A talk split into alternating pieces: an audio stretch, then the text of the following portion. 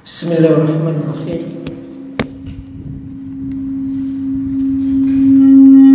السلام عليكم ورحمة الله وبركاته.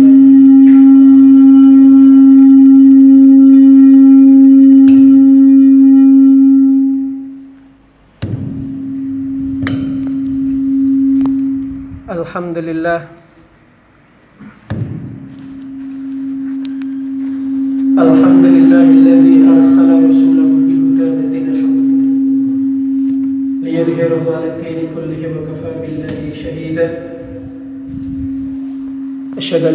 إله إلا الله أشهد أن محمدا عبده ورسوله. اللهم صل وسلم وبارك على محمد وعلى آله وأصحابه أجمعين. أما بعد قال الله تعالى في القرآن الكريم أعوذ بالله من الشيطان الرجيم. بسم الله الرحمن الرحيم. أحسب الناس أن يتركوا أن يقولوا آمنا وهم لا يفتنون. صدق الله العظيم. Jamaah rahimakumullah Sebelumnya marilah kita panjatkan puji syukur kehadirat Allah Subhanahu wa taala. Allah yang telah memberikan begitu banyak nikmat sehingga kita bisa bertemu dengan bulan Ramadan. Dengan bulan Ramadan ini insya Allah kita bisa meningkatkan ketakwaan kita seperti yang difirmankan Allah oleh Allah bahwa target puasa kita adalah la'allakum tattaqun agar kalian semua bertakwa kepada Allah. Jamaah rahimakumullah Kalau kita sudah mengucapkan beriman kepada Allah pasti dan diyakini ucapan itu akan diuji oleh Allah. Seberapa keimanan kita kepada Allah dan seberapa besar keimanan kita iman terhadap rukun-rukun iman. Allah menegaskan di surat Al-Ankabut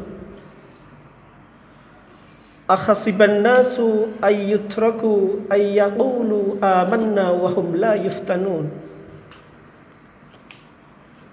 Allah ngendikaaken akhasiban nas apakah manusia itu mengira? Ayat ayyutraku ayyakulu amanna. Apakah orang manusia itu akan mengira ketika seseorang mengatakan beriman? Wahum la yuftanun dan mereka tidak akan diuji Pernyataan Allah ini dilanjutkan di ayat kedua.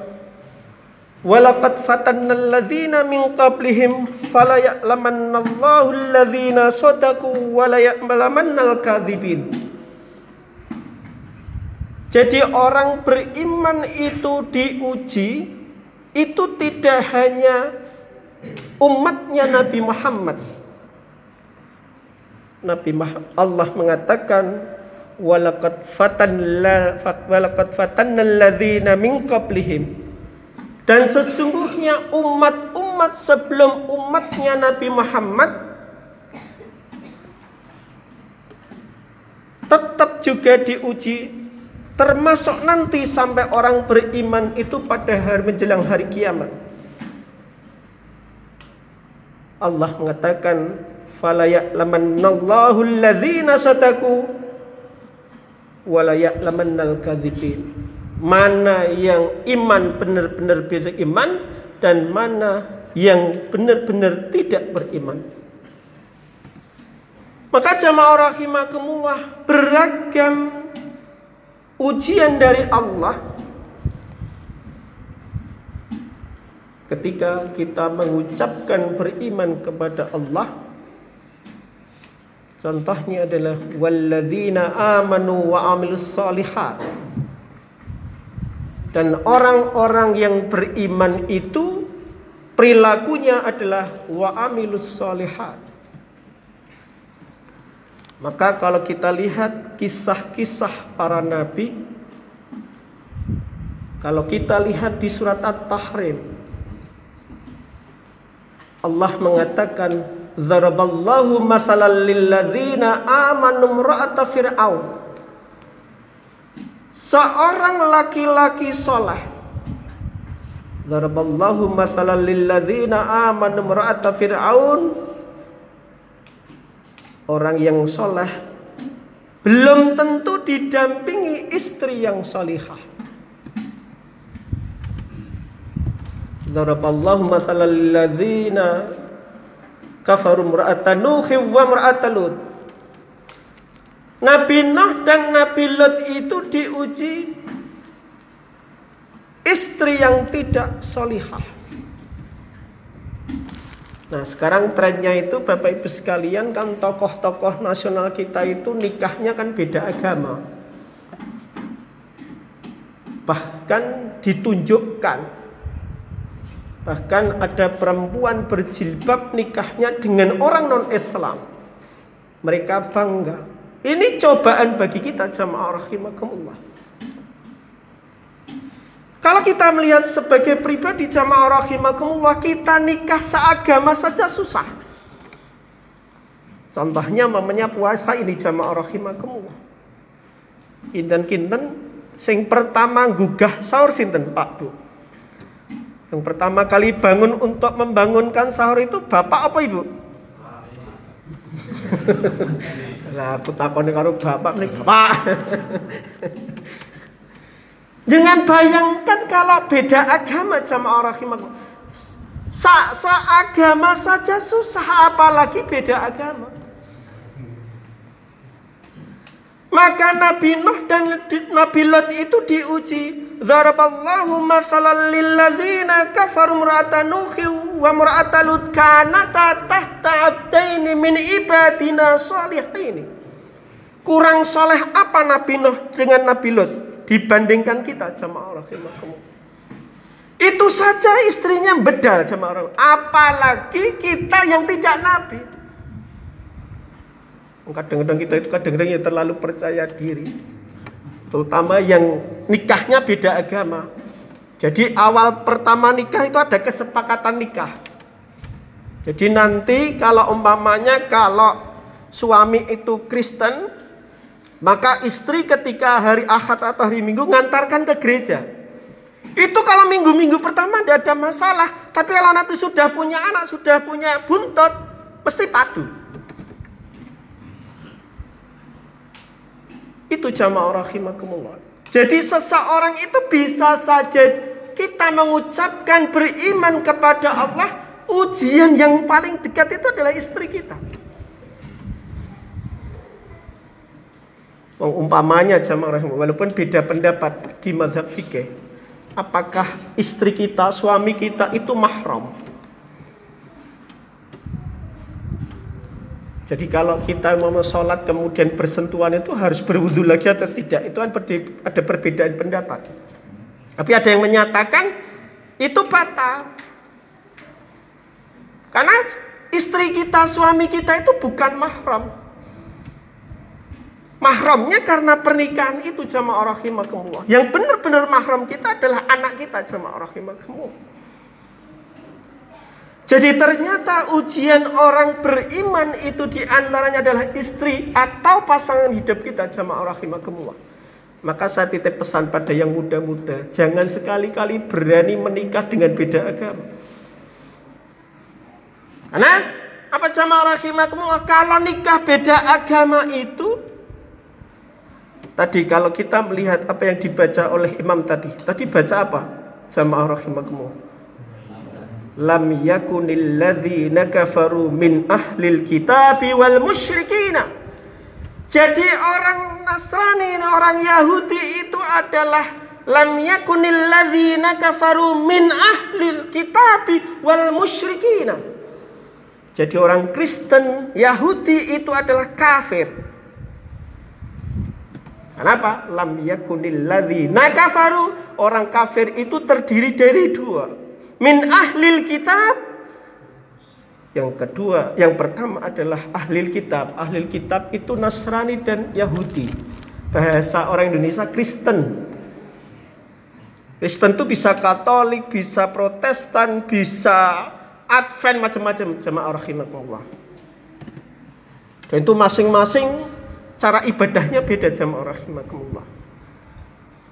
Tapi kitabnya sama, kitabnya berbahasa Indonesia, berbeda dengan orang Islam. Beda kelompok itu tetap kitabnya sama, tapi paduai. Kan seniko kan rame jamaah rahimakumullah. Diramekan lagi masalah tarwah. Walu po rong puluh mengasline yo jenenge salat tarawih iki yo ora kudu jamaah asline lho. Tapi jangan terus ora usah bilang rasa jamaah wae ya. Engko Ramadan karo Ramadan apa bedane ngene lho. Maka jamaah rahimakumullah, saya benar-benar titip pesan pada anak-anak muda. Jangan sekali-kali berani mengambil risiko menikah dengan beda agama. Dan saya juga pesan sama bapak ibu sekalian yang kebetulan punya anak-anak yang siap nikah. Karena anak muda kita itu hampir tidak siap nikah jemaah rahimakumullah. Gayane ngono ya pacaran. Tapi kon nikah rawani jemaah rahimah. Mendina ya gandengan. Tapi giliran nang nikah kono mesti bleret. Mboten isen bleret. Oh, kemangate ki media sosial, Pak Bu. Dan Facebook itu tulisannya sudah menikah dan jamaah. Neng biasanya tiang sepi mbak ngerti karena Facebooknya mboten kertas. Maka jamaah rahimakumullah lam yakunil ladzina kafaru min ahlil kitabi wal musyrikin. Jadi tidak boleh menikahi orang-orang yang menyekutukan Allah. Jadi orang kafir itu ada dua jamaah rahim. Walaupun sekarang kemudian diperhalus. Kafir itu non muslim. Ya monggo lah. Mau pakai kafir, pakai non muslim monggo. Tapi kalau dalam satu jamaah begini nggak apa-apa bilang kafir. Tapi jangan kemudian jangan ngecap saya radikal mentoh pembicaraan. Kita itu serba susah. Ngomong bener mana radikal. Boh, nek niki wonten inteling terus Ya sini tetap wonten kita tidak tahu wonten mawon. Ya muga-muga intele sadar.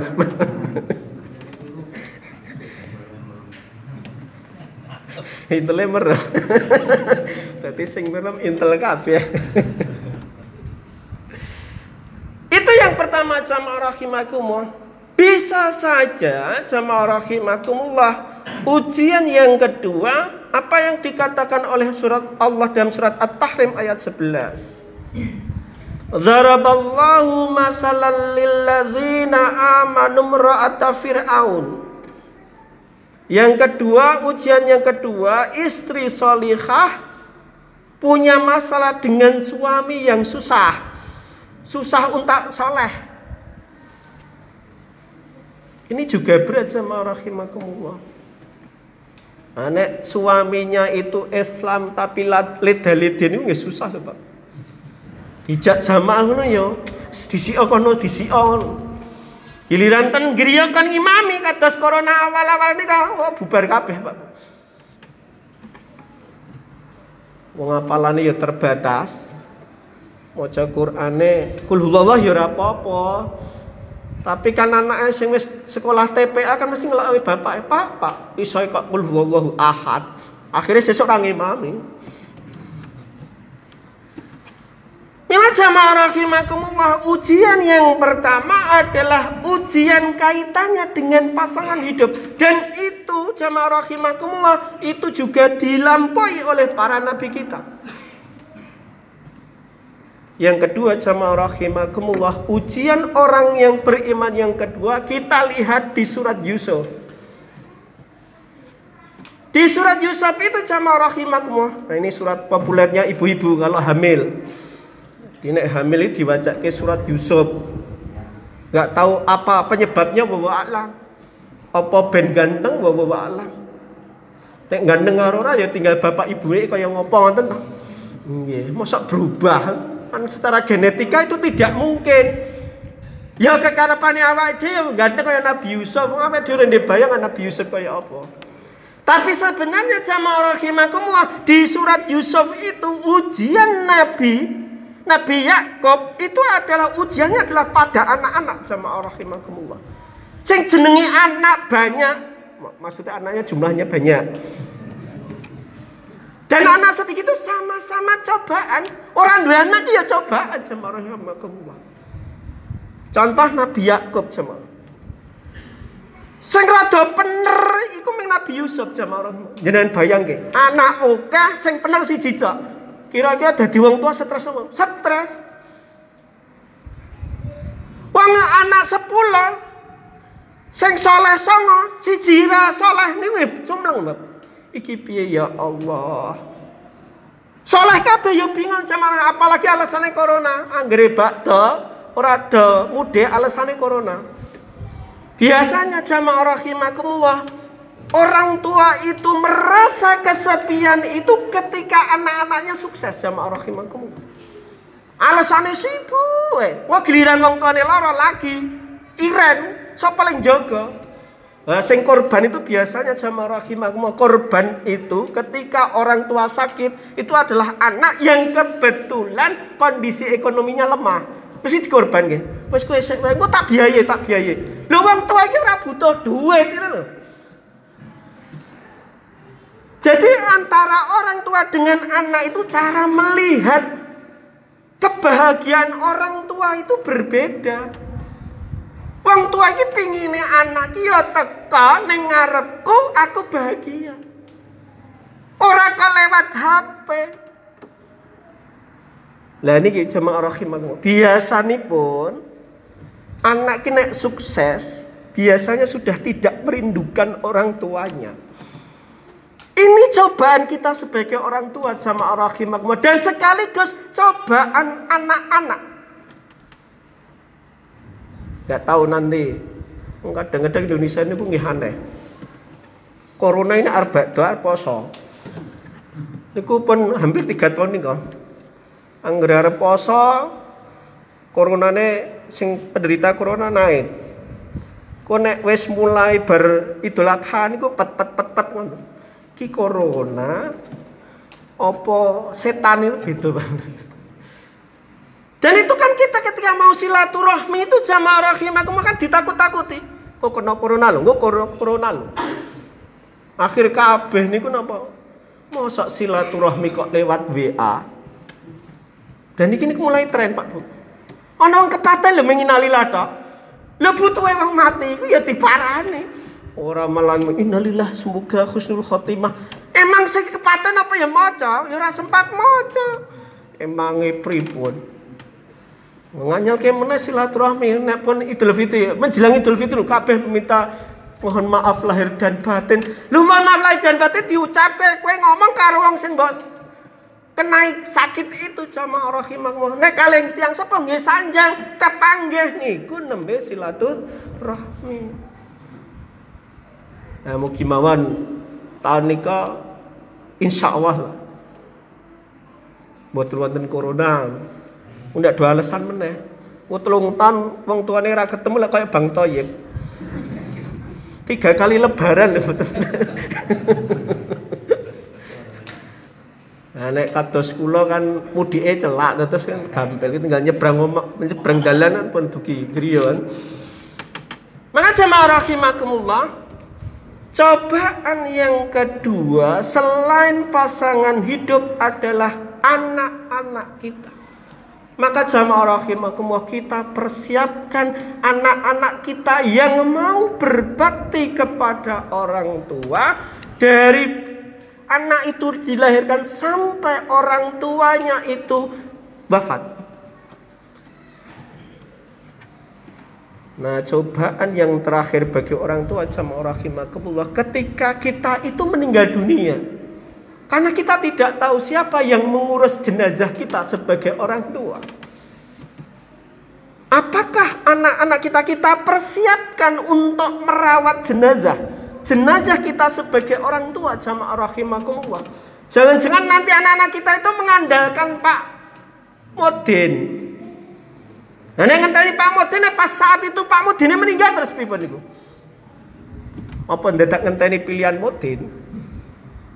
Mila jamaah rahimakumullah, maka kita perlu mempersiapkan Seperti kisahnya Nabi Yusuf bagaimana Nabi Yusuf itu masih berbakti kepada orang tuanya Walaupun anaknya yang namanya Nabi Yusuf itu disakiti, anaknya masih tetap hormat pada anak-anak yang lainnya.